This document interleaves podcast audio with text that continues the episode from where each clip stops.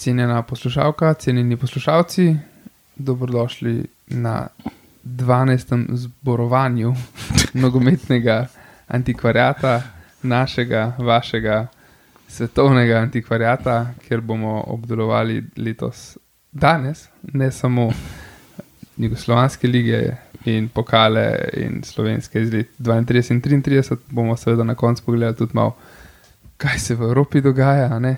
Kot vedno smo z vami danes. Tim, Miha. In ne bodi ga treba, klino, ki bo spraševal neumno vprašanje. Jaz predajam besedo šefoma, pa vi se pa naslonite na kavč nazaj, kot jaz. Hvala še enkrat, Diego, za te odlične kavče um, in se prepustite užitkom.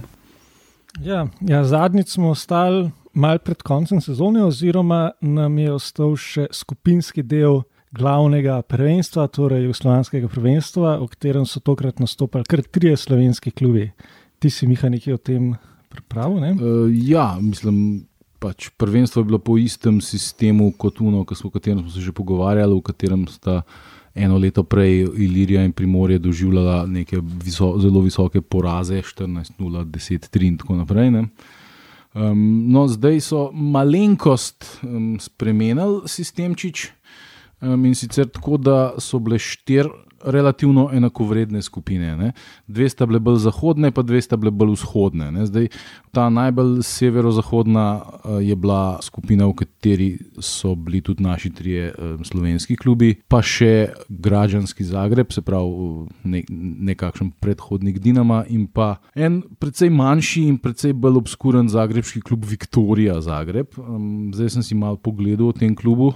To ne bi bil ustanovljen že v šolskem letu 1907-1908. Je tako piše, ne, ker ja, so ga ustanovili uh, pač učenci. Ja, konc koncev, še zmeri se profesionalni futbol, večinoma po šolskih letih igra. tako je. um, in tako da je bil, ampak ni bil nikoli prav zelo uspešen. To je v bistvu njegov bil največji uspeh kluba je bila ta uvrstitev v grupno fazo um, državnega prvenstva, potem so oni tudi v tej skupini zmagali in so igrali v, v, v četvrt završnici oziroma četrt finalu, ker to je bila ena od sprememb uh, v, v tem sistemu. Če se spomnimo, v prejšnji sezoni so igrali uh, v končnici skupino, mislim, da šestih klubov, no tokrat so igrali pa kar četrt finale. Po dva sta šla iz vsake grupe, v vsaki grupi je bilo pet ali šest klubov v prvih dveh pet, v drugih dveh šest, uh, in pač dva sta šla naprej, in to je bilo to. Ne? Zdaj, nažalost, je bilo to v bistvu uh, najslabše obdobje za ljubljanski nogomet. Ne? Ilirija in Primorje sta bila v tem obdobju res slaba in nekonkurenčna. Tako da je bil v bistvu najboljši slovenski predstavnik uh, v tem državnem prvenstvu leta 1932 Maribor. Ne? To je seveda prvi SSK Maribor, kasnejši uh, Branik ne? in um, črno-beli predstavnik uh, mesta obdravi.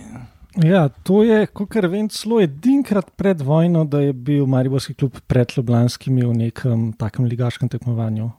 Ja, je bil ja. najboljši slovenski klub v tem smislu. Čeprav je zanimivo, ne, pa sem šel prav pogledat v prejšnji sezoni, da osvežimo spomin.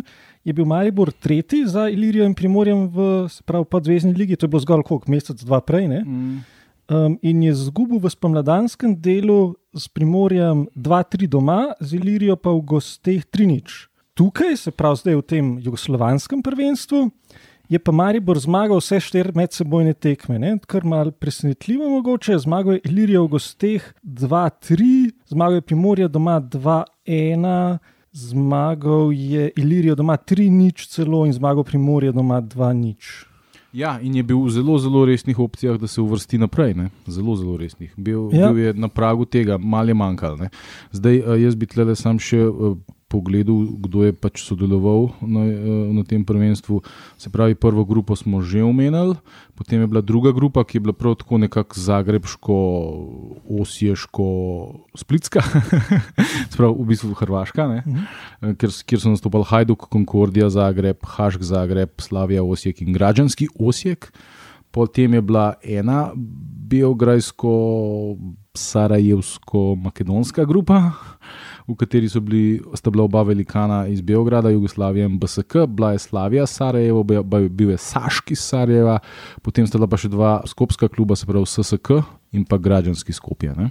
V zadnji, četrti grupi so, je bila ta pa nekako belgrajsko-vojvodinska, recimo, ne? ker je bil najboljši v tej skupini bil Bask, druga je bila Vojvodina Novi Sad, tretja je bila Bačka iz um, Subotice. Subotice ja. Potem je Mačva je bila četrta, uh, Slavija Sombor je bila peta, Obilič veliki Bečkerek je bil pa šesti v tej skupini. Sprav, uh, naprej so šli Viktorija in Građanski iz prve grupe, Hajduk in Konkordija iz druge grupe, Jugoslavija BSK iz tretje grupe in Bask in Vojvodina iz četvrte grupe. Skratka, naredili so štiri skupine, pa razdelili Zagrebške pa biografske klube, zato da jih lahko čim več prišel naprej. Tako nekako, ja. S tem, da obe vzhodne grupe, če jim lahko rečemo, rečemo so imele po šest klubov, obe zahodne pa samo pet. Ne? Zanimivo. Ne? Zakaj ja. ni bilo recimo tle še dveh klubov v teh grupah? Ja, ja. Nobenga... Ker obstajajo, so. Niso jih hodili. Ja, ja. Je pa zanimivo, ne, da pač res je imela Slovenija tokrat kar tri predstavnike, kar je bilo dosti nenavadno. Ne, ponovadi sta bila ali dva ali pa samo en. Ne, bilo... ja, po tablici iz prejšnje sezone bi bil železničar, ne, se pravi, bilo kar zanimivo za, za naše klube. Aj, če bi bil še Mariborski ja, železničar. Če ja. bi bil še en naš klub, ja, recimo. Ja. Ja, mogoče bi bili Primorje dejansko kakšno zmagali. Kaj, mi smo bolj smučarski narod. če nas sam posluša, ga je kapo. Um, tako da uh, jaz prej sem omenil, kako konkurenčen je bil Maribor. Uh, pred zadnjo, zadnjim krogom je obstajala verjetnost, da bojo celo prehiteli građanski na drugem mestu. Ne? Ampak mislim, da sta, sta, sta, sta se verjetno građanski in. Ja, građanski Viktorija 2-2 je bil zadnji krok. Aha. Točko je rabu, građanski jo je dubo. Ja. Ampak en največjih rezultatov Maribora v tej sezoni je bila pa zmaga nad građanskim 3-0. To je bilo konec avgusta 1932, to je recimo, eh, lahko štejemo za eno takih antologijskih zmag slovenskega nogometa, ko je pač slovenski klub premagal enega najboljših jugoslovanskih klubov v tekmi, ki je bila res zelo pomembna. Ne? Zdaj ne govorimo o nekih prijateljskih in nekih tekmah v začetku sezone, ampak mm. tekma, ki je marsikaj odločala ne? in so zmagali 3-0. Tako da bom jaz temu v čast prebral uh, nekaj stavkov na to temo. Uh, ne bom se trudil brati štajerskim naglasom. Ker sem tudi indijski, ni dobro spati. Odveč bi bilo povdariti, da je današnje prvenstveno srečanje med Građanskim in Mariborom razgibalo vse privržence nogometa. Građanski je še vedno ime, čigar tradicija in sedanja vloga v nogometu naše države pomeni privlačnost, s katero se ne more pri nas ponašati nobena izmed vodilnih enajstoric. In tako je pač povsem razumljivo, da je bil obisk današnje tekme kljub lepemu vremenu izredno dober. Ne vem, zakaj je bilo kljub lepemu vremenu, ampak ok. A ja, zato, ker bi šli ljudje. Ja, ker so takrat včasih ljudje. Kam, kam na izlet. Ja, ja, okay, ja. Uspešna reklama, pojačena z živahnostjo navijačev iz Zagreba, ki so že opoldne trenirali svoja grla po ulicah, pravi, tako kot dan danes, je imela popoln uspeh, tako da se je dalo že med mladinsko tekmo sklepati, da v glavnem boju ne bo manjkalo živahnosti. Stave, ki so včeraj dosegle število preko 400, so nagibale v prid gostov, zadnji uspehi belomodrih niso dopuščali, da bi pristaši igrali hazard v korist domačih. No, ampak um, polčas je bil 0-0, na koncu je pa Maribor sesul s 3 proti nič. Zdaj lahko le še poiščem malo statistike z te tekme. Moment. Ja, gole so dali Zemljič, Privršek in Imbertoncel. In to Zemljič in Bertoncel sta kasneje igrala tudi za Primorje oziroma SK Ljubljano. Ja, ja, ja. Tako da ja, pa levo še od bolj znanih igralcev. Se boš kar celo mogoče prebral na hitro. Ma, ne vem, tle so tudi neki, neki vzdelki, oziroma saj en je vzdelk. No. V, v golu je bil Koren, pa je bil Stane Bertoncel, pa Savo sta bila branilca, Konič, Kirbiš in Kokot so bili krilci, Vodeb, Privršek, Pepček, Bertoncel, Najžar in Zemljič so bili pa ofenzivci. To je bila ekipa Maribora, ki je prišla na, na dohvat ruke četrt finala državnega prvenstva. V zadnjem krogu, pa kot smo omenjali, je je bil Maribor na tem, da če zmaga in če Zagrebčani izgubijo z Viktorijo, ki je bila prva in že uvrščena, ne, bi šli naprej, ampak um, pač Maribor je premagal Primorje v Mariboru 2-0 medtem ko je, kot smo že omenili, se druga tekma v Zagrebu končala z 2-2, kar je bilo dosti, da je imel Građanski eno piko več od, od Maribora in šel naprej. Tle bom jaz sam še uvod tega zadnjega derbija Maribor Primorja prebral. Mnogo je bilo kombinacij v teku zadnjega tedna o razvrstitvi udeležencev v naši skupini po zmagi Maribora nad Građanskim. Situacije so se večkrat menjale in neodločen rezultat med Građanskim in Viktorijo je precej neugodno vplival na razpoloženje klubovih prijateljev. Kljub temu, da današnja tekma ni bila več tako odločilnega pomena in da je med vso tekmo lilo kot iz škafa, se je vendar držalo po tribuno nekaj nad 400 navdušenih privržencev nogometa. tako da, ja, očitno je bila unremljiva, očitno že prej to, mm. in, in je bila ta tekma na koncu uh, irrelevantna, ampak skratka, Maribor ni uspel. Takrat, če niso imeli očitno terminov, takih, da bi istočasno igrali. Ja, ja, ja. Mislim, po mojem, so naredili tako, da je bilo favoritu bolj ugodno. Ja. tako da, ja, pa v četrt finalu, eh, da še zaključimo s tem prvenstvom, je Jugoslavija izločila Vojvodino. Konkordija je izločila pač to Viktorijo, na nesrečno, BSK je izločil Bask, Hajduk je pa izločil Građanski. Um, tako da, ki, ki igrali so, pač, kot ste videli, spet po originalnem ključu. Um, iz, iz te dveh zagrebsko-slovensko-splitskih skupin so igrali med sabo, prvi iz ene grupe, z drugim iz druge grupe in tako naprej. Mhm. In te med sabo v polfinalu je potem Konkordija uh, razguzila Jugoslavijo, Hajduk je prošel BSK, v finalu je pa pol Konkordija premagala Hajduk dvakrat v Splitu 2-1 in v Zagrebu 2-1 in je postala jugoslovanski državni prvak. Tako da to je to, kar se tega državnega prvaka tiče. Mogoče še glede teh Lemariborčev na hiter. Um, ta branilc Savo je domicel, um, drugače pa je bilo nekaj zelo dobrih igralcev, zlasti brata Bretoncel, Stanko pa Josip oziroma Pepček, pa je bil Vladimir Kukanja, Half, pa recimo napadalec Ivan Zemljič, pa tudi Ladislav Najžar je bil, kot smo zadnjič videli, reprezentant, ko je igral tisto tekmo um, na Koroškem. Pa recimo Privršek je bil en boljših in je kasneje, pa je tudi za denar prestopil v SK Kran. Ja. Profesionalec pravi. Tako da to je bila, to je bila takrat res dosledna ekipa, res nek vrhunc Maribora, recimo v tem predvojnem obdobju. Ja, ja, to je bil de definitivno njihov vrhunc. Ja. Sicer pa imamo te igravce, pa hmal spoznali, ker so čez pol leta zamenjali klub. Kralji. Drugač pa v tem obdobju, ko se je Maribor bojeval za preboj v um, drugo fazo državnega prvenstva, so pa v še enem zelo nogometnem mestu, Trbovljah, um, pa proslavili desetletnico sportnega kluba Trbovlje. Ne? Kot pač še danes velja, je leta, letnica 1922, če nekako šteje za neko leto nula um, trbovskega nogometa, čeprav to ni čist res, ne? kot smo ugotavljali, že kakšno leto prej so, mislim, da ustanovili. Uh, Tole, ta delovski klub Zoro. Ne? Ne, ta delovski klub je ustanovljen leta 2022, ampak po nekih podatkih naj bi bil ta SK Trbovlje ustanovljen že en leto prej, ampak lahko pa tudi, da ne, da, mm. ker nimajo točnega datuma. Ja, skratka, oni so uh, avgusta 1932 praznovali desetletnico. Ne? Tako da bom, bom, bom jaz počastil to desetletnico z, z citiranjem teksta v jutru.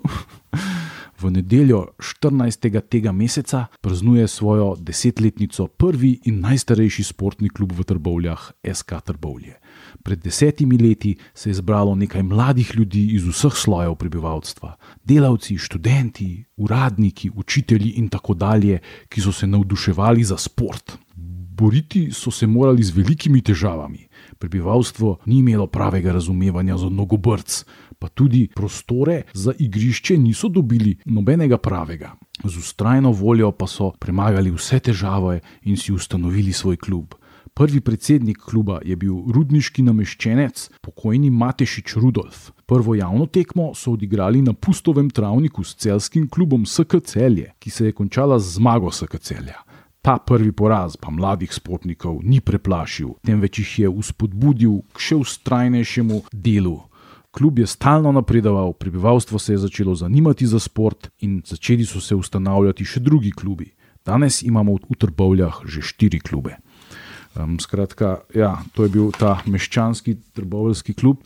Je pa zanimiv, ne, um, ker v Trbovljah res oni pač svojo zgodovino, pač rudar Trbovlje, nekako veže na te delovske klube, se pravi na Mater in njegove predhodnike Zoro, pa še nekaj je bilo vmes. Ne. Svoboda, ja. Ja, mislim, medtem ko ta je bil pa v določenem obdobju v bistvu vodilni klub v, v mestu. Ne? Ja, en del je bil, ampak mi skoraj večino časa, pol, vsaj tega kasnejšega, je bil amater boljši. No, no, ampak to že govorimo o drugi polovici Ja, ja. 30-ih, ne? zdaj tle govorimo Tle, v tem času zdaj pa ja. Ja, um, tako da, ja, to je bilo skratka desetletnica v Trbovlah, dostojno so jo proslavili. Kot še danes proslavljajo visoke obletnice, ne pred kratkim je bila stota obletnica nogometa v Trbovlah je, um, in sva mi dva tudi bila tam, ne sicer kot častna gosta, ampak kot gosta. Ta vsem imela to čast, da sem tam prisotna. Tako je, skupaj z Viljem Amarškom in podobnimi. Tako da, ja, zdaj, jaz sem med eh, raziskovanjem tega nad vse zanimivega leta 1932 naletel tudi na eno eh, zanimivost, da je bila tekma pod reflektorji. Uh, se spomnite, naši zvesti poslušalci, ali naj rečem poslušalec, da smo v prejšnji epizodi omenjali, da je bila prva nočna tekma v Ljubljani, glih malo predtem. ne, um, Ja, ja. ko je Primorje gostilo, um, pozabil sem že koga in je bil Rapid. Nekaj takega, mislim, Ja, da je. neka Ja. velika tekma je bila pod reflektorji, pač prva nočna tekma na slovenskem sploh. No, že malo potem je bila pa prva nočna nogometna tekma tudi v Škofi Loki. Neverjetno. Kje pa druge? Ja, to je. Če skozi govorimo o škofi. Ja, ne mislim, da Škofi Loka dejansko ni bila noben faktor v slovenskem Mm. nogometu. Tako kot ne, danes ni. Mislim, da sploh ni imela kluba uradno učlanjenega v LNP. E, Čist možno, zato ker to je, to, te, ki so igrali, so bili um, člani Sokola. Aha. Tako da tekma, ta tekma um, nočna um, je bila Sokol Škofija Loka proti Ilirija Old Boys, se pravi veterani Ilirije. Ja, Ilirija je imela v to tistem obdobju, poleg mladinskega, eh, tudi Old Boy team. Ne? Še neka slika teh old boysov ne vem, sicer- ampak mislim, da glih iz tega leta tam v ilustriranem slovencu, Aha, pa so aha. vsi ti znani, stari Ja, ja, veljani. vsi, ki so verjetno, dejansko za današnji nogometni niso bili tako stari. Ne? Ja, ja. Ker oni so takrat zelo zgodni nehali igrati, ne? Mm. ker so Ja, šli valjda. pač neke resne službe. Pa to, ne? Pa, ja. ko niso bili več študenti, so začeli delati in niso več fuzbalirali. ne. Um, tako da je vaš. Zdaj, ki se igra do 40 let, že a ne. To tist- Ja, seveda, tudi pač, te so pač jedli, kar so jedli, in marsikaj še od njih je Pil, bil- kar so pil. Tako je. Tako da je še tole, da, da počastimo še ta veliki dogodek z enim citatom. Simpatično starejše moštvo SK Ilirije je odigralo v nedeljo zvečer na letnem telovadišču Škofjeloškega Sokola prijateljsko nogometno tekmo z domačini. Za prvo nočno sportno prireditev je bilo med ljudstvom ogromno zanimanje in je prisostvovalo tekmi do tisoč ljudi, kar je za naše razmere pač rekord.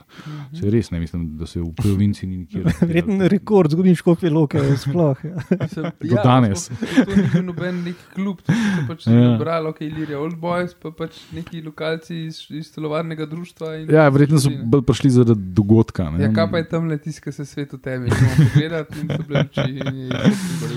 Um, no, pred tekmo je priredila gasilska godba obhod po mestnih ulicah in ja. potem koncert v Zvezdi. Na igrališče so prispeli najprej belo-zeleni Ilirijani, za njimi pa belo-rdeča enajstorica Škofjeločanom, oboji sprijeti z velikim aplauzom. Takoj z začetka se je pokazala premoč domačinov, ki so obvladali igro do konca in tudi zmagali 5-2. ne. Tekmo je sodil gospod Mavec, ne vem, ali je kje v sorodu z Mojco Mavec. Um, Tlele pa še za zaključek. Nek- Nedeljska sportna prireditev je pokazala, da je loški sport kljub vsem neprilikam na trdnih nogah. Nogometašem želimo tudi za vnaprej vse stranskih uspehov. Skratka, še malo. In pa se nikoli več niso zbrali, kluba niso imeli. Okay. Ja, predvojno vprašanje. Ja, mislim, da je bila pa neka sora ali nekaj, ampak je tudi samo neke prijateljske igrala. Aha, ampak kdaj? To je že leto 32. Ne? Ja, enkrat 30, ne zdaj le z Mm, glave. mm, Mislim, mm. da je tale igral za soro Crnobori, Aha, The Legend. Legend, ki je igral za primorje. Um, ja, zdaj druga velika stvar leta 32, mogoče. Ne vem, em, kaj ti imaš še nek, nekaj pripravljen ne, v zvezi s svobodo Maribora. Ja, nimaš? tiste bolj za 33, ampak lahko tudi že zdaj Mm. povemo. Imamo še tole prvenstvo, pa pa imamo Buren Božič v Trstu. No, dajmo pa kar prvenstvo, pa božič bomo osvobodili lahko tudi naslednjič. Če... Aha, okay, se, že, že tle- nekdaj delali Darmar v Trstu. No, zdaj to slovensko prvenstvo 32-33 je bilo spet eno od tistih popolnoma bizarnih in na vse možne načine, lahko rečemo, nelegalnih prvenstev. Ne? Že, že sam um, uvod je bil ultra bizaren, zaključek pa pol tudi. Ne? Tako da dej, ti to. Ja, že uvod je bil zanimiv. Ne? Mogoče, če osvežimo spomin, v prejšnji sezoni je igralo šest klubov v enotni ligi. Najboljših, to je bilo prvič, oziroma spet prvič po dolgih letih, in mogoče se je zdelo, da končno zdaj je pa naš nogomet dobil neko formo in da bodo stvari se nekako umirile. No, ampak pa ni bilo tako. Um, teh šest klubov lani je bilo, mislim, torej leta 31-32 je bilo Ilirija, Primorje, prvi SK Maribor, Zdenčar Maribor, Svoboda Ljubljana in Atletik. In potem so bile take propozicije, sprva, da boste igrali kvalifikacije tako Atletik kot Svoboda. In sicer Atletik je igral s celjem, Svoboda pa Slovanom. Mislim, Za smo obstank. Ne? za obstanek. Tako. In mislim, da smo že prejnič, prejšnjič omenili, da je Svoboda gladko um, porazila Slovan. Slovan je res slab, ker je drugi razred zmagal po vseh tistih um, stvarih, ki smo jih imeli že prejšnjič. Torej, predvsem po zaslugi Ilirije. zakulisnih iger in zelene mize. No, tako da um, druge kvalifikacije so bile pa, torej, kot sem rekel, Atletik celje, kjer so bile potrebne kar štiri tekme. Prvi dve sta se končali z remijema, 3-3 in 2-2, in pa sta bile še dve, kjer je tesno, komu je uspelo celje zmagati. No, in kljub temu je potem prišlo do čist drugačnega sklepa um, na skupščini. Skupščini so pa sklep, da bo igral osem klubov in da bosta morala v kvalifikacije celje in slovan, nove kvalifikacije. Čeprav je celje svoje zmagal, slovan pa zgubil. V bistvu ni bilo res tako absolutno nobenega pametnega razloga, zakaj bi morala zdaj celje in slovan igrati še Sploh, če so razširili ligo. Ne?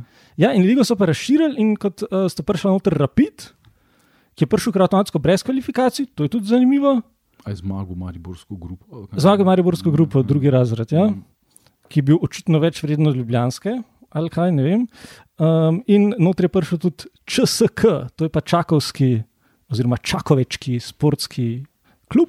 Tako je, ker je Čakovec zaradi boljših um, prometnih povezav se odločil, da bo raj v, pod okriljem Ljubljanske nogometne podzveze in ne Zagrebške nastopal. Boljše Ne? je do Maribora, verjetno. Ja, občasno. ja. Wow, Mariborski grup je igral. zanimivo. Ja. No, in s tem se je pa šele začel hec. Um, namreč te kvalifikacije, Slovan celje, torej potem, ko je celje že odigral štiri tekme z Atletico in moral še v kvalifikacije s Slovanom, in je prvo tekmo za gladko, mislim, da pet nič? Da. pet nič. In so že mislili, da so naprej, pa so sicer drugo tekmo izgubili pred Slovanu, ampak skupno razliko bi še vedno morali iti Mislim, da naprej. 4-1 je Slovan. Nekaj zmagal takega, ja, v tekmi, 4:1. ja. Mm. Pa je pa Jugoslovanska zveza, so se pretožili na Jugoslovansko zvezo in je bila prva tekma, oziroma Slovan se je najprej pretožil na, na Ljubljansko podzvezo in je bila prva tekma razveljavljena, ker naj bi bile napačne vratnice. Nekaj takega, se pravi, okvir gola, zdaj ni bil po pravilih. A da ni bil neki, a da, da mogoče da so bile ne vem, kvadratne, ne so okrogle ali kaj takega. Ali da so bile, mislim, da centimeter preniske ali nekaj bizarnega. ne vem. Oh, wow. ja, In so pa oni prišli to neki zmerti in pogledati in so ugotovili, da, da pač res niso po pravilih. Treba se je tudi pripomniti, da je bil Slovan v zelo dobrih odnosih z podzvezo, kar vem, tukaj nima nič, ampak sem tako omenjamo. Um, No in so prvo tekmo razveljavili in je pa prvo tekmo celje zmagali zgolj 3-2, mislim da. Ja, povratna je pa že veljala. ne. Povratna naj bi pa veljala, vsaj tako je trdil Slovan, da povratna velja, ne, ker so bili pravilni goli na, na Slovanu. Prvo je pa zdaj 3-2 in skupnim izidom zmaga Slovan. Pa so pa celjani znoreli in so se oni pretožili na JNS, se pravi na Jugoslovansko zvezo, na višjem štancu, aha, viš. ki je pa razveljavila kar vse tri tekme. In je rekla, odigrajte še novi dve. Ja, Winner takes all. Aha, ampak ne, novi dve, se pravi, ja, to se, ja, noro. Torej, morali celje odigrati še um, koliko, um, osmo in deveto tekmo v kvalifikaciji. In so igrali Slovano, in pa so pa zmagali, ker je pač očitno bilo celje vendarle le boljše od Slovana in na igrišču pač Slovan ni mogel. Ampak, um, Pa zdaj še ni bil konc. Ne? seveda, um, Še, Ne. ker je bilo osem klubov v ligi. ne? Ja, ker je pa. je ker se- zapiskih neskončne kvalifikacije. okay. ker so se celjani pretožili, ampak očitno že prej, pred zadnjo tekmo, da ne sme biti osem klubov, da po pravilniku JNS jih je lahko samo šest. Ne? Kar je v bistvu po eni strani neumna pritožba, ker če ti hočeš priti v neko ligo, se ne pritožuješ, da je v njej preveč klubov. Čak, oni so se pritožili. Ja, ja, tu piše, da so se, se lahko tudi Ja, celo. pa bi oni rekli, ja, v redu, pa pač ne v ligo. Ups, imate prav. Ja, to sem si prav, um, ravno zato sem si sprintal, ker mi je bilo tako zanimivo, tako čakaj, kdo se je pritožil. Ampak to, oni so se to pritožili medtem, ko so jih oni zabavali s, s tem, da moraš še igrati. Ja, mislim, da so se oni to že prej pritožili, ker če ne, ne bi imeli nobenega smisla. ne. Aha, tamle je. Evo, takole. Na znanje se vzame objava rešenje JNS broj 1762 od 14x, to je se pravi oktober, v zadevi pritožbe SSK celje zoper sklep poslovnega odbora in upravnega odbora LNP. V pogledu kvalifikacijske tekme celje slavam 5 nič in zoper sklep skupščine LNP v pogledu odreditve 8 klubov v razredu. Se pravi, celje se je pritožil zoper sklep skupščine LNP v pogledu odreditve 8 klubov v razredu. Ja, bizarno, ja. Nelogično, ne, ne sosedu krava crkne. Ja, in um, tip Pritožbe. problem je bil seveda. Ne, ne, meni krava. ja, ja, ja, v bistvu tako je. Ja. Meni in sosedu.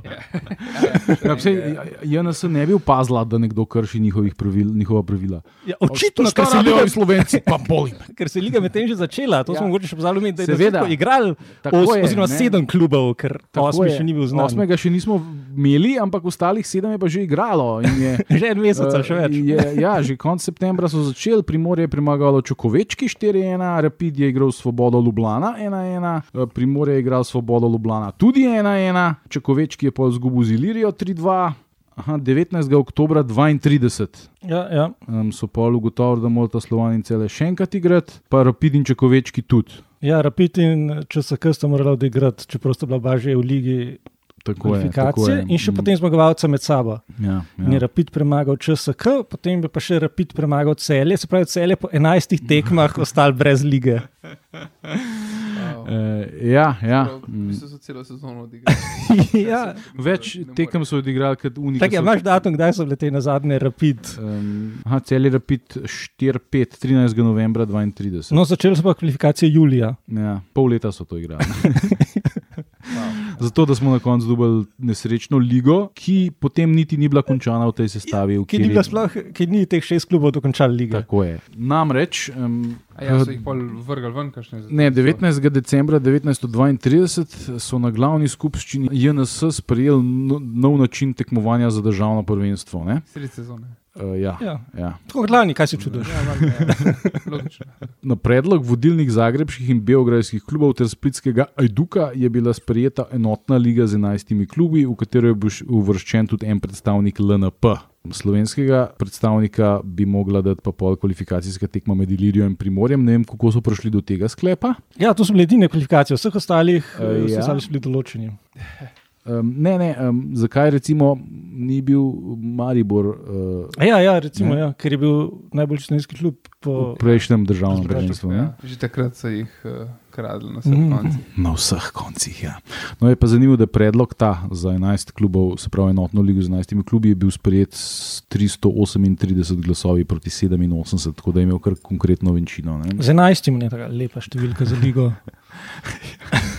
Kje so to najdel? Ja. Zakaj ne bi mogli biti 12, pa bi bila Ilirija in Primorje. No, in pol so se začeli pri nas uh, spraševati o tem, ali je smiselno, da imamo dva velika kluba v Ljubljani. Ampak še predtem je pa en od teh velikih klubov um, šel na izlet v Trst. And all hell broke loose. Primorje namreč, ne? ASK Primorje, predhodnik uh, Olimpije, je bilo ustanovljeno leta devet- 1920 strani um, primorskih izseljencev iz um, pač dežel, ki so takrat padle pod Italijo in, in ta ista Italija, ki je zasedla ta ozemlja, je potem um, zelo, zelo malo potem padla pod vpliv fašistične diktature. Tako da Slovencem se ni najbolje godilo um, pod uh, Mussolinijevo diktaturo, ampak države sta imela pa tako on-off odnose. Enkrat so bili malo boljši, enkrat so bili malo slabši. Ne? Zdaj tam nekje sred 20-ih so bili odnosi še kar dobri, so tudi um, klubi italijanski hodili k nam in, in drugod po Jugoslaviji igrati. Ne? In tudi Ilirija in Primorje sta že gostovala, recimo oba v Gorici. Stari, seveda, nove, takrat še ni bilo. In eh, Primorje je tudi zelo zgodaj v 20-ih gostovalo tudi v Trstu, to smo tudi omenjali v enem naših zgodnjih epizod, mm -hmm. ko so igrali proti Ederi in pa še enem klubu, Puncijani, mislim. Da. No, v leta 32 je, bila, je bil pa najboljši tržaški klub že Triestina, ne, ki še danes velja nekako za simbol tržaškega nogometa. Ne. Čeprav je to klub, ki je vsaj že ne dvakrat do trikrat bankrotiral, mislim, da trikrat um, pač nekako se vedno na novo rodi z istim imenom in um, to je um, trstni najbolj nogometno mesto, žal. Imajo um, pa izredno lep stadion, čist ja, nov. Čist, čist nov ja. Nereo roko. Ja, ja. Je, je, Stadion komunale Nereo roko. Obnovljen je bil zdaj zelo pred kratkim, 2018. Ja, ja, okay, ja, ja, ja. Zelo, zelo lep. Bil sem tam zdaj lep. Dve leti nazaj. Rdeče, rdeče, tako ne. Ja, ja, ja, ja. Zelo, zelo lep stadion. Ja takrat sicer niso igrali na tem stadionu, so igrali na enem, na enem drugem, leta 32, bili so pa člani serije A. Zdaj situacija takrat eh, med Italijo in um, Jugoslavijo ni bila tako slaba, čeprav so se dogajale neke stvari, ki um, pač tigrovce so takrat že potovkali v tiste iz Bazovice, ne, so jih septembra 30 so jih usmrtili, recimo. In podobne zadeve. Pač Triestina je povabila Primorje, če pride igrati prijateljsko tekmo, Primorje se je na to odzvalo in je šlo, izgubilo 4-0. No, potem je pa prišlo do enega zelo, kako bi temu rekel, vehementnega odziva iz kluba jugoslovanskih primorskih akademikov. Ja. Oni so pač smatrali, da je velika želitev za vse primorce in um, slovence nasploh, da je pač klub, s takim imenom in s tako neko, neke vrste politično-nacionalno zavednostjo, v smislu, da smo mi predstavniki uh, okupirane uh, rodne grude, ne, da gre igrati uh, fašistom. Ja, ja, mm. ja, in, um, in so tako le zapisali v, v javni izjavi: Sredi največje gonje italijanskega časopisja proti vsemu, kar je našega, se je drznilo iti primorje fašistom v gosti. Mogoče je, da so nesli trogirskega leva, mogoče so šli gledat, kje je stal naš ponosni narodni dom, mogoče so šli obiskat nesrečno bazovico.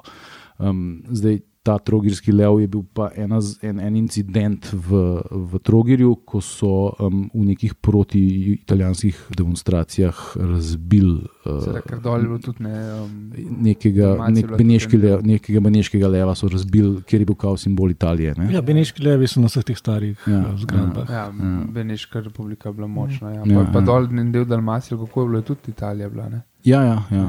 Split ni bil, ampak Zadar je pa bil. Recimo, ja, ja. Mhm. Podobna um, usoda kot naš vzhodni del. Ne, ja, v bistvu. Zahodni. Ja. Mm. Sorry, zahodni mm. ja. Tako da, ja, to je pol uh, povzročil blazno zgražanje in je moralo primorje se seveda odzvati na to. No, in odzvalo se je pol uh, februarja 33, se pravi, tri mesece kasneje. Rekli, know your enemy, ampak keep your enemies, friends close and your enemies close. Ja, kva tle je bil, ni bil idealen cajt se ukvarjati s temi stvarmi ker so imeli pač kvalifikacijsko tekmo z Ilirijo za ukvarjati se.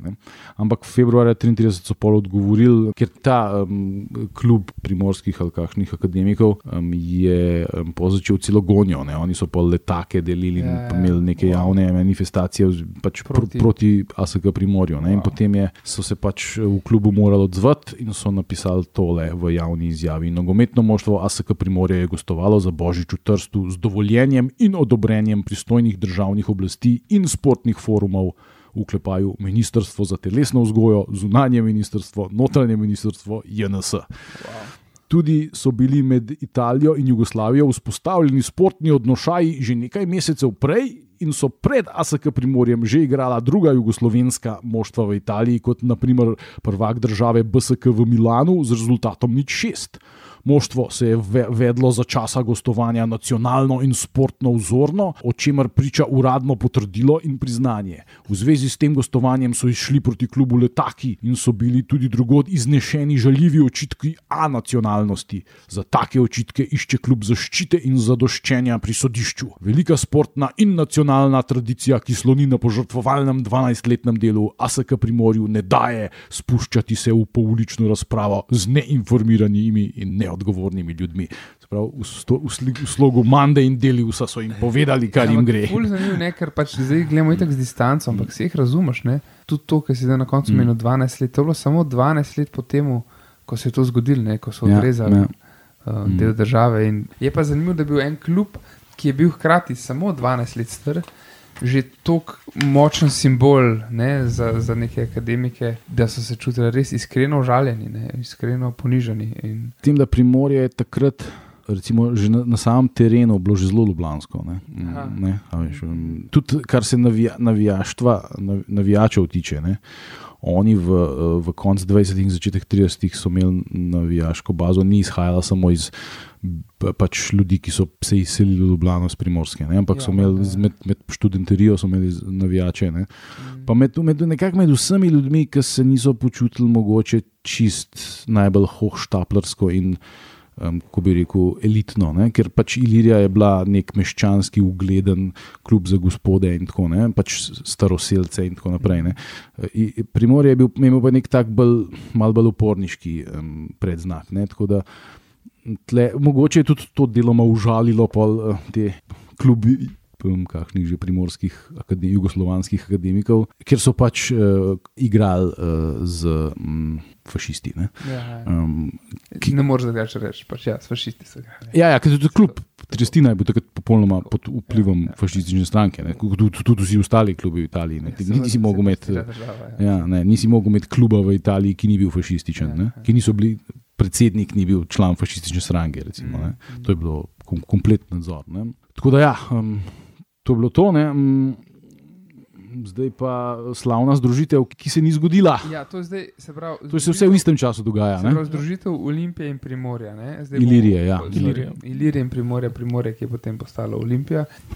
Ker tukaj se veliko govori, mislim, zdaj, če kaj poznate zgodovino, nekaj se je razisko, kaj ste eh, razisk, raziskovali, vidva pa, pa opta. Ne, ste, predvsem videl, mislim, da ste raziskovali, kdaj je Olimpija sploh bila ustanovljena. Ste takrat iz leta, letnice 1911, prešla na 1920. To je bilo tudi zaradi ene združitve, ki naj bi bila združitev, pa ni bila, ampak če sem prav razumel, to ni ta poskus Ne. To združitve. je bilo tri leta prej. Ja. Če bi ta poskus uspel, pa bi pa bila letnica 11 verjetno kar pravilna. Bolj ta, legitimna. ta, o ja. katerem bomo zdaj govorili. Ker mogoče to treba povedati. Je bil pa tri leta kasneje. Da je tle dejansko, vsaj po tem, kar so časopisi zapisali, kot sem pač bral ta poročila občnih zborov, dejansko bila predlagana fuzija oziroma združitev, se pravi, obeh klubov, vseh sekcij.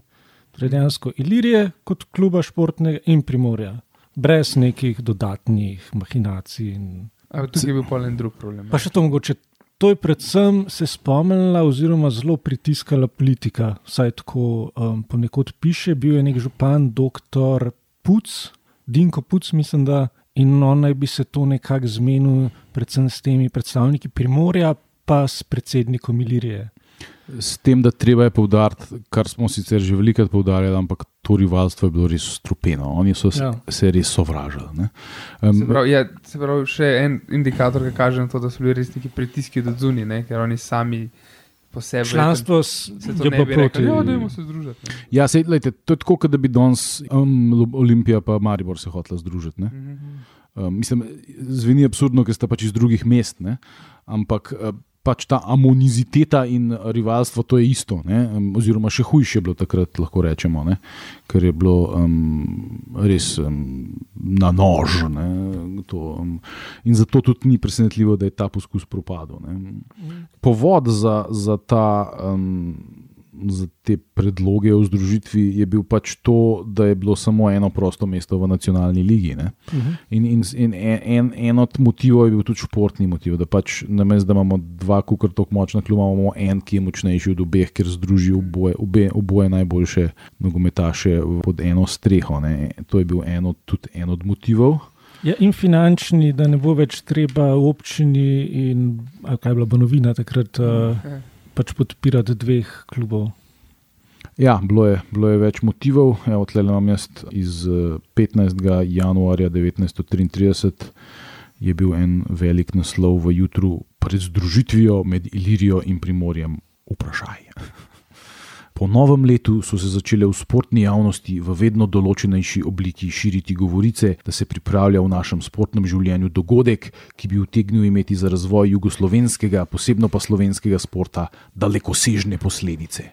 Odkar se Ljubljana po vojni udejstvuje v športu, od tedaj je bil velik del njenih pomembnih sportnih sil angažiran za krajevno konkurenco in domači prestiž obeh njenih vodilnih klubov Ilirije in Primorja koliko efektivnega dela za zeleno mizo in koliko idealnih naporov na zelenem polju se je v 12 letih nasprotsev med tema dvema kluboma potrošilo za manj ali za skromen uspeh pred majhno domačo javnostjo.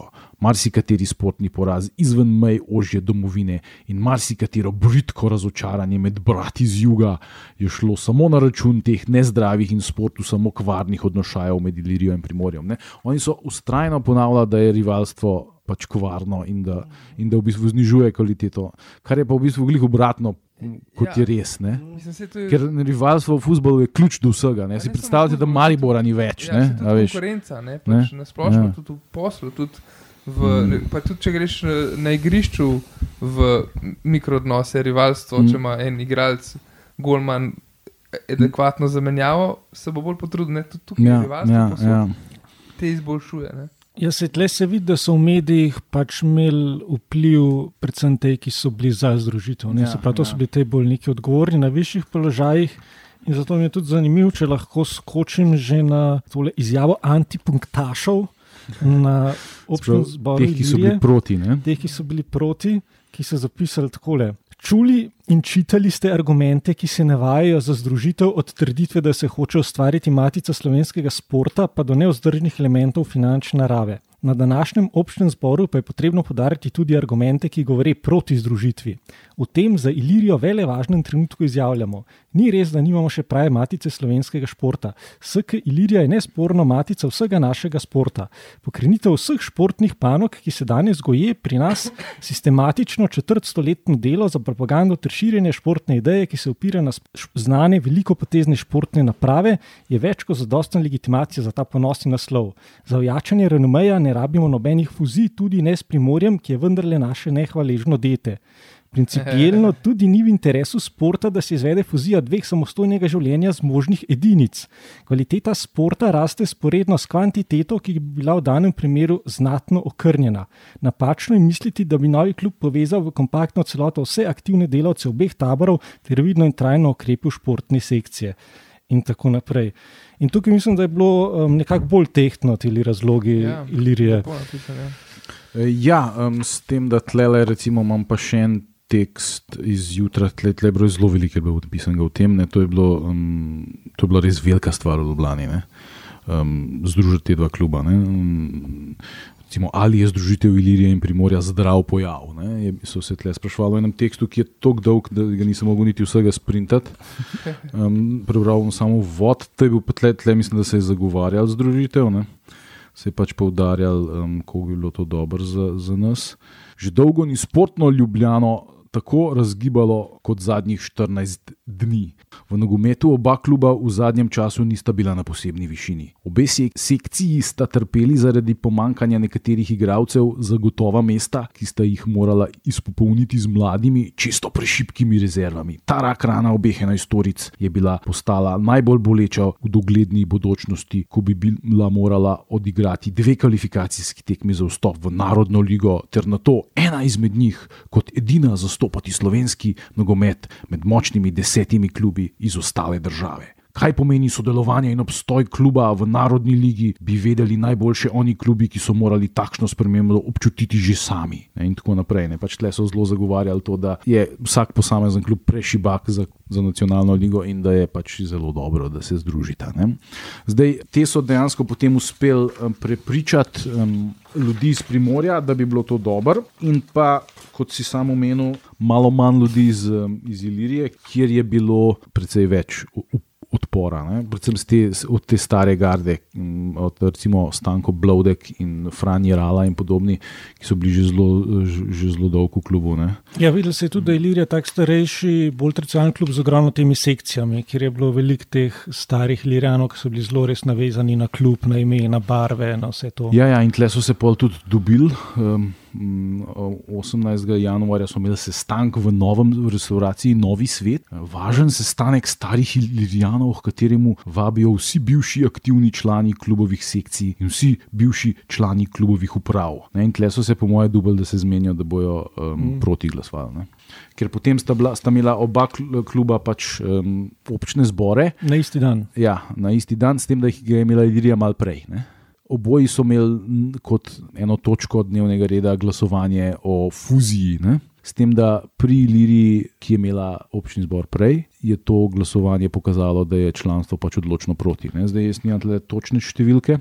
Jaz ne, ampak vem, da so pri Primorju prekinili, ker so čakali uro ali dve rezultate iz Ilirine skupščine. Ja, tako ja. Zaslu, a, a ja, tako. Ja, pauzo so imeli, dokler niso zvedeli. um, ja, wow, ja. Bilo, um, igrice tako pač z, z, z veliko večino so nasprotniki fuzije zmagali na tem glasovanju Ilirije. Potem, ko je pa pač so pri Primorju zvedeli, da je Ilirija fuzijo zavrnila, pa niso niti glasovali. Mm. Tako da je pač zadeva padla že na, na prvi. Kot rekli, mi nismo krivi, Ilirija je kriva. Potem je predsednik Ilirije tudi ponudil odstop. Tako kot Franci zavrl. Aha, je dejansko. Aha, okay.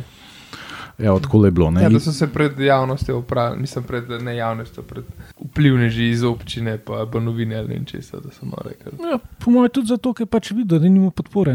Ja, ja, ja seveda. Sprav, Ilirija in Primorje ostaneta ločena, je bil naslov. Občna zbora vodečih ljubljanskih klubov nista prinesla koncentracije sportnih sil v Ljubljani. včerajšnji dan bi lahko bil postal važen mejnik v razvoju slovenskega sporta, izhodna točka, s katere bi se bilo naše sportno gibanje dvigalo vedno više, ter zapustilo ono nekako podrejeno vlogo, ki jo je do sedaj zaradi razcepljenosti naših sportnih sil igralo v jugoslovanskem sportu. S tem nikakor nočemo omalovaževati lepih uspehov, ki so jih dosegli v gotovih panogah naši športniki. Tudi mi, slovenci, smo v marsikaterem oziru dali svoj delež za razvoj našega sporta v splošnem, to da vendar nismo mogli dati jugoslovanskemu sportu na razpolago vseh svojih sposobnosti. Zaradi tega so naš, naši sportni tovariši v drugih delih države žal prevečkrat smatrali za kvantite negližable. Tako je dejansko napisano v francoščini: kvantite negližable. Vsak, ki je pazno zasledoval razvoj ljubljanskega sporta, je vedel, kje tiči vzrok za ta žalosten pojav. Naše sile so se cepile in izčrpavale v medsebojnem boju. Ne, tle pač ponavljajo eno in isto lajno. Jaz smo imeli to pač smešno tezo, da če ne bi bilo pri nas tega rivalstva, pa bi bili kar vem, boljši od hrvaških in srpskih ja, klubov. Ja, zakaj? Ja. ja. In, um, kar se je pa seveda potem, ko so končno dosegli to fuzijo um, tri leta kasneje, ne, ki pač ni bila fuzija, pač uh, Ilirija je ukinila svojo nogometno sekcijo in jo ni imela več, je pa kot klub seveda še obstajala. Primorje je pa odceplo svojo nogometno sekcijo in jo preimenovalo v Sportni klub Ljubljana, ne, kamor so se potem koncentrirali vsi najboljši futbalerji iz obeh klubov, s tem, da so bili v večini to igralci Primorja ne, in da so igrali na igrišču Primorja. Ta klub potem ni igral nobene bolj vidne vloge v, v jugoslovanskem nogometu, kot sta jo pred tem Ilirija in Primorja. Mm, mm. Pač boril se je za obstanek v tej nacionalni mm. ligi. Ne? Nič niso dosegali. Ne? Če bi to vlogo igralo še naprej Primorje, ki jo je pač. Kot bomo potem videli, izborilo že leta 1933, ne, se ne bi bilo čisto nič drugače, mi bili pa še vedno dva velika tradicionalna kluba v Ljubljani. To je, kot si ti enkrat v enem od naših eh, zasedanj že omenil, nikjer drugje v Jugoslaviji, mm. nobeno ni pa na kraj pameti, da bi združeval. Kaš pa građanski. Ja, ali pa BSK in Jugoslavijo, uh, ali pa te na smrt skregane sarajevske klube, mm. ki so mm. bili po nacionalni noti ločeni. To, to je bil absurd, kaj so pa nas delali. Ja. Pač mi smo vedno odkrivali toplo vodo v zvezi z nogometom. Ja, in, in, in, in tudi v tem primeru. No, tle so sicer še zavrnili. Ampak... Do Portoroža imamo še več. Uja. Um, in potem pa mislim, da lahko spektakularno zaključimo današnje zborovanje z pač tem derbijem. V kvalifikacijah. Oziroma, dvema derbijema, ker potem, ko je bila ta fuzija zavrnjena, ne, je bilo pa treba vsem zbrati enega od teh dveh klubov, da bo igral v nacionalni ligi. To, to se je pač zgodilo že zelo na začetku februarja. Tuk, v, pač v času, ko ponovadi v Ljubljani takrat ni igral nogomet, ja, ja. ker je bil vreme absolutno neprimeren za to. Ne. Tako da v nedeljo 5. tega meseca bo na igrišču ASK Primorje prva kvalifikacijska tekma med Ilirijo in Primorjem za vstop v nacionalno ligo. Tekme v tej ligi bodo velikega pomena za razvoj našega sporta. Prav tako pa bo važno, kdo naj zastopa v nacionalni ligi slovenski sport. Ilirija in Primorje sta poklicana, da dasta slovenskega predstavnika.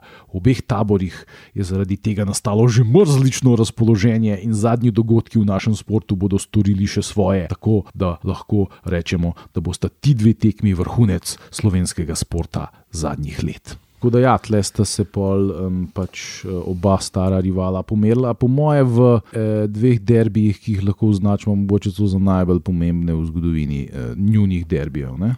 Ker se je pač res odločil, kdo bo pač prevzel vlogo vodilnega kluba v, v državi. Uh, v, v, v, Banovini. Banovini, tako je.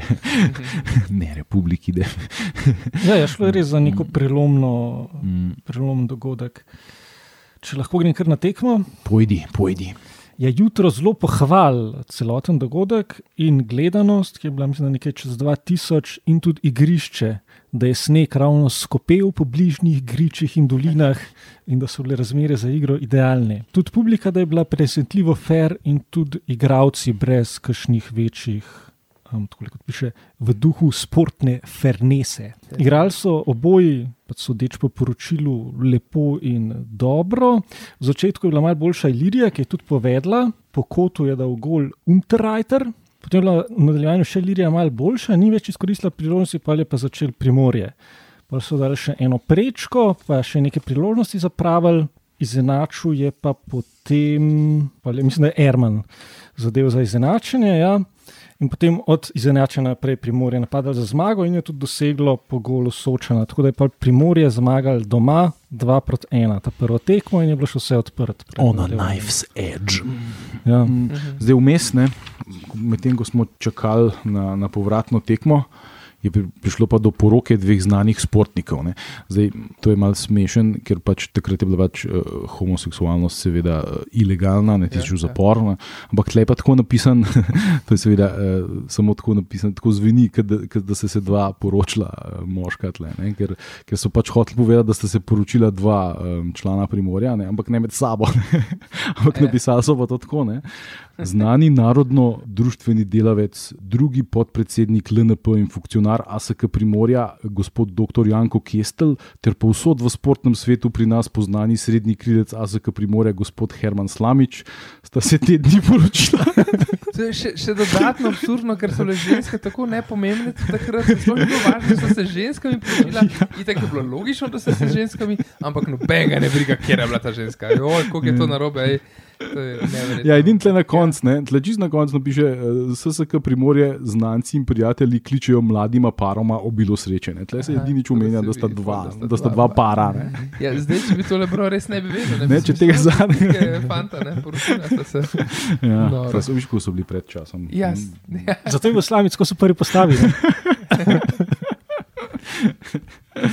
um, Eh, tako da, ja, pa je bila pa še um, povratna tekma, na kateri je pa tudi zmagalo Primorje. Ja, na tej tekmi je Primorje bilo boljše. Še celo več. Mislim, da dva tedna. Ja, dva tedna je bilo treba čakati na, na to povratno tekmo, tako da zihre je bilo mrzlično pričakovanje. Ja, ja. Presenetljivo je, da je bilo malo manj publike. Na... Mm tekmi kot na prvi, ne bo še bolj, druga, bolj pomembna. Ja, mogoče. A je bilo pa lepše vreme, ne, kot so prej rekli. Če je bilo boljše vreme, bilo manj ljudi. So šli vsi smučati. ja, ja le se tle Joško Janša, Ilirija je bil pa državni smučarski prvak, kot vidim tle med naslovi v jutru iz tega dne. Jaz se Joško Janša, ker uh, mislim, da sem tudi večkrat zaslil to ime, čeprav nisem nek. Um, Smučarski navdušenec. Smučarski navdušenec ja. Um, ja, Primor je zmagal 3-2, s tem, da so dali celo 4 gole, ker je dal Sabla, to je vzdevek za Slavka Svetica, branilca. Lahko pa samo kakšen branilci bil, če ima vzdevek mm. Sabla. Ne? Je dal avto gol. Ja. Ja, tem, za, za en gol se, um, se je Ermana obtoževalo, da je igral z roko.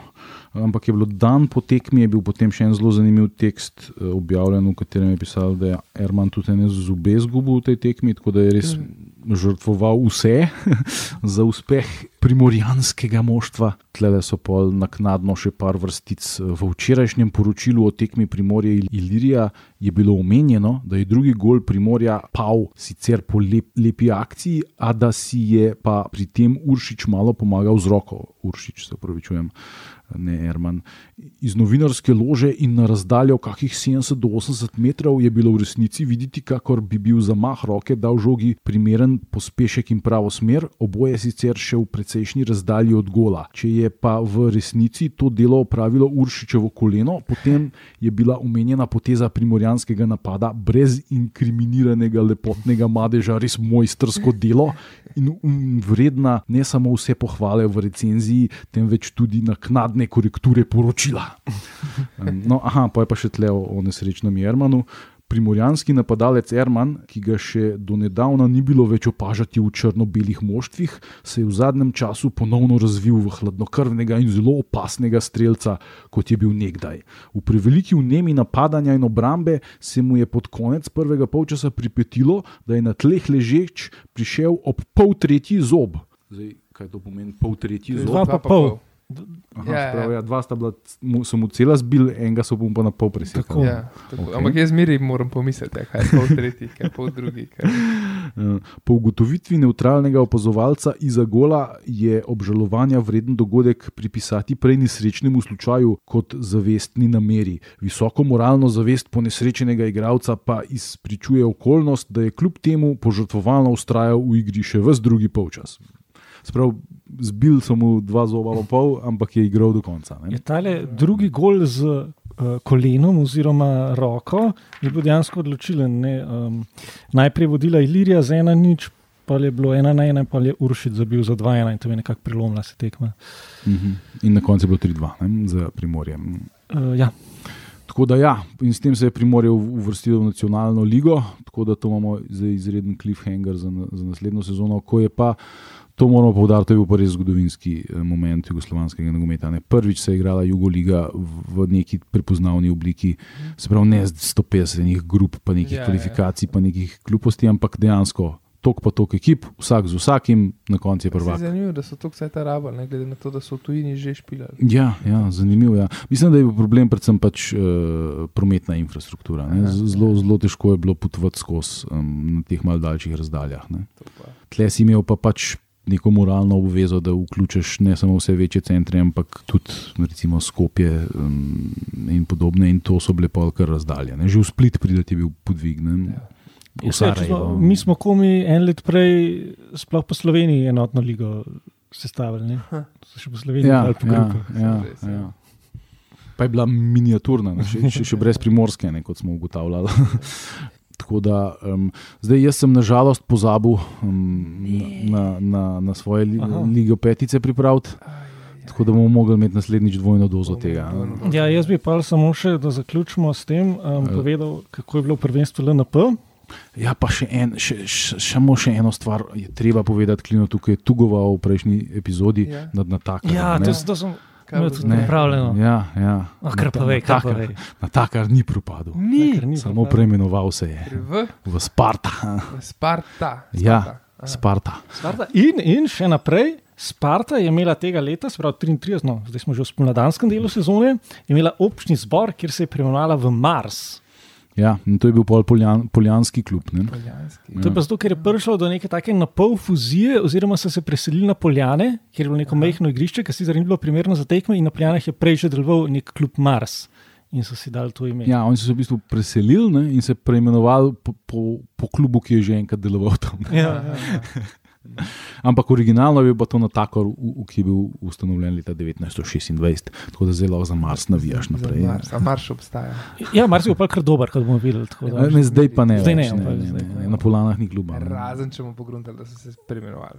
ja, bomo ugotovili. Ja.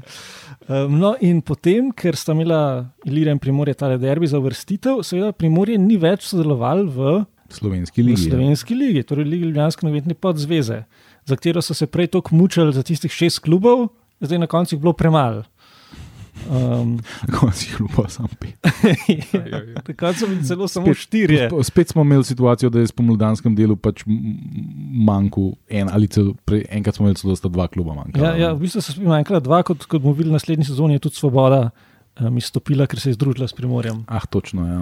In bila lestvica na koncu taka, v se pravi zelo okrnjeni ligi. Prvi, prvi SSK Maribor, prvi, da je bil prvi, ne, um, devet točk, drugi Rapid, osem, to je Rapid, ki je pa v kvalifikacijah prišel noter, bi bil skoraj prvak. Tretji železničar, pet, četrta, pazi, zadnja Ilirija. In dejansko so eni potem hoteli, oziroma zahtevali, da Ilirija izpade v Točno drugi to- razred. Točno, ja. Wow. Ne, ker je nevrjetno, da je bila Ilirija zadnja. Kako si to razlagal? Ja, se to, to si razlagam kot blazno krizo Ljubljanskega nogometa, ki že smo omenjali, da je bil Maribor najboljši v prejšnjem državnem mm. prvenstvu. Ne? E, Pa denarja mi manjka, mogli bi se združiti iz Primorja, pa bi bilo vse v redu. Ja, super. To, to pa je za danes. Uh, ja, ja, bomo naslednjič bomo pa tole nacionalno ligo, pa še vse kolobocije, ki so se predtem dogajale, kot je ta združitev Svobode in Primorja. Ja, se je ta so, Pa tudi- združitev se je dogajala, mislim, da celo po prvem krogu že lige. Ja, Ne? In, in tudi uh, prestop, potem so pač nekateri mariborski igralci po Vinku prestopili v Primorje. ne. O, to bo tudi zanimiva zgodba za naslednjo. Ja, ja, ker, z- ker takrat nisi mogel ti kar prestopiti iz enega v drug klub. Ja, valjda. to ni bilo možno. Ne? Ti si bil pač. Mislim, si, ampak si imel potem krenčno dobo, tako imenovano. Renčno Ja, dobo, po neki wow. cajt nisi mogel igrati. Ja. Ja, ja. Se to je bilo še pol dolg, še mislim, da Beara, ne, je kdo. Ja, da je imel pol leta. Ja, ja, še v 50-ih. Ja. Ja. Nisi smel. Ja. Jaz se kdaj bil, Um, Bosman je pa veliko kasneje, ne? kdaj je bil Um, Bosman, mislim, ja, po 50-ih, še, še po 50-ih. 92. Ja, 90-ih. Ja. Takrat Um, so še šele zares sprostili prestopi. ne. Um, Tako da vsi, ki vas je zanimalo, eh, kaj je v španski ligi v, v tej sezoni dosegel Real, Irun, Vsi, ki nas poslušate samo zaradi tega. Ja, žal. žal. boste globoko razočarani, Naslednji. ampak naslednjič bomo, Ja. bomo, bomo dvojno dozo imeli. Tako da boste, Evropski, boste uh, bo uživali. evropski. Ja. Evropski Tako kot evropski otek. Ja, ja, nič, um, lepo se imejte, uživajte uh, z Bogom. Um, tako da se slišmo naslednjič. a ne? Tako. На свидание.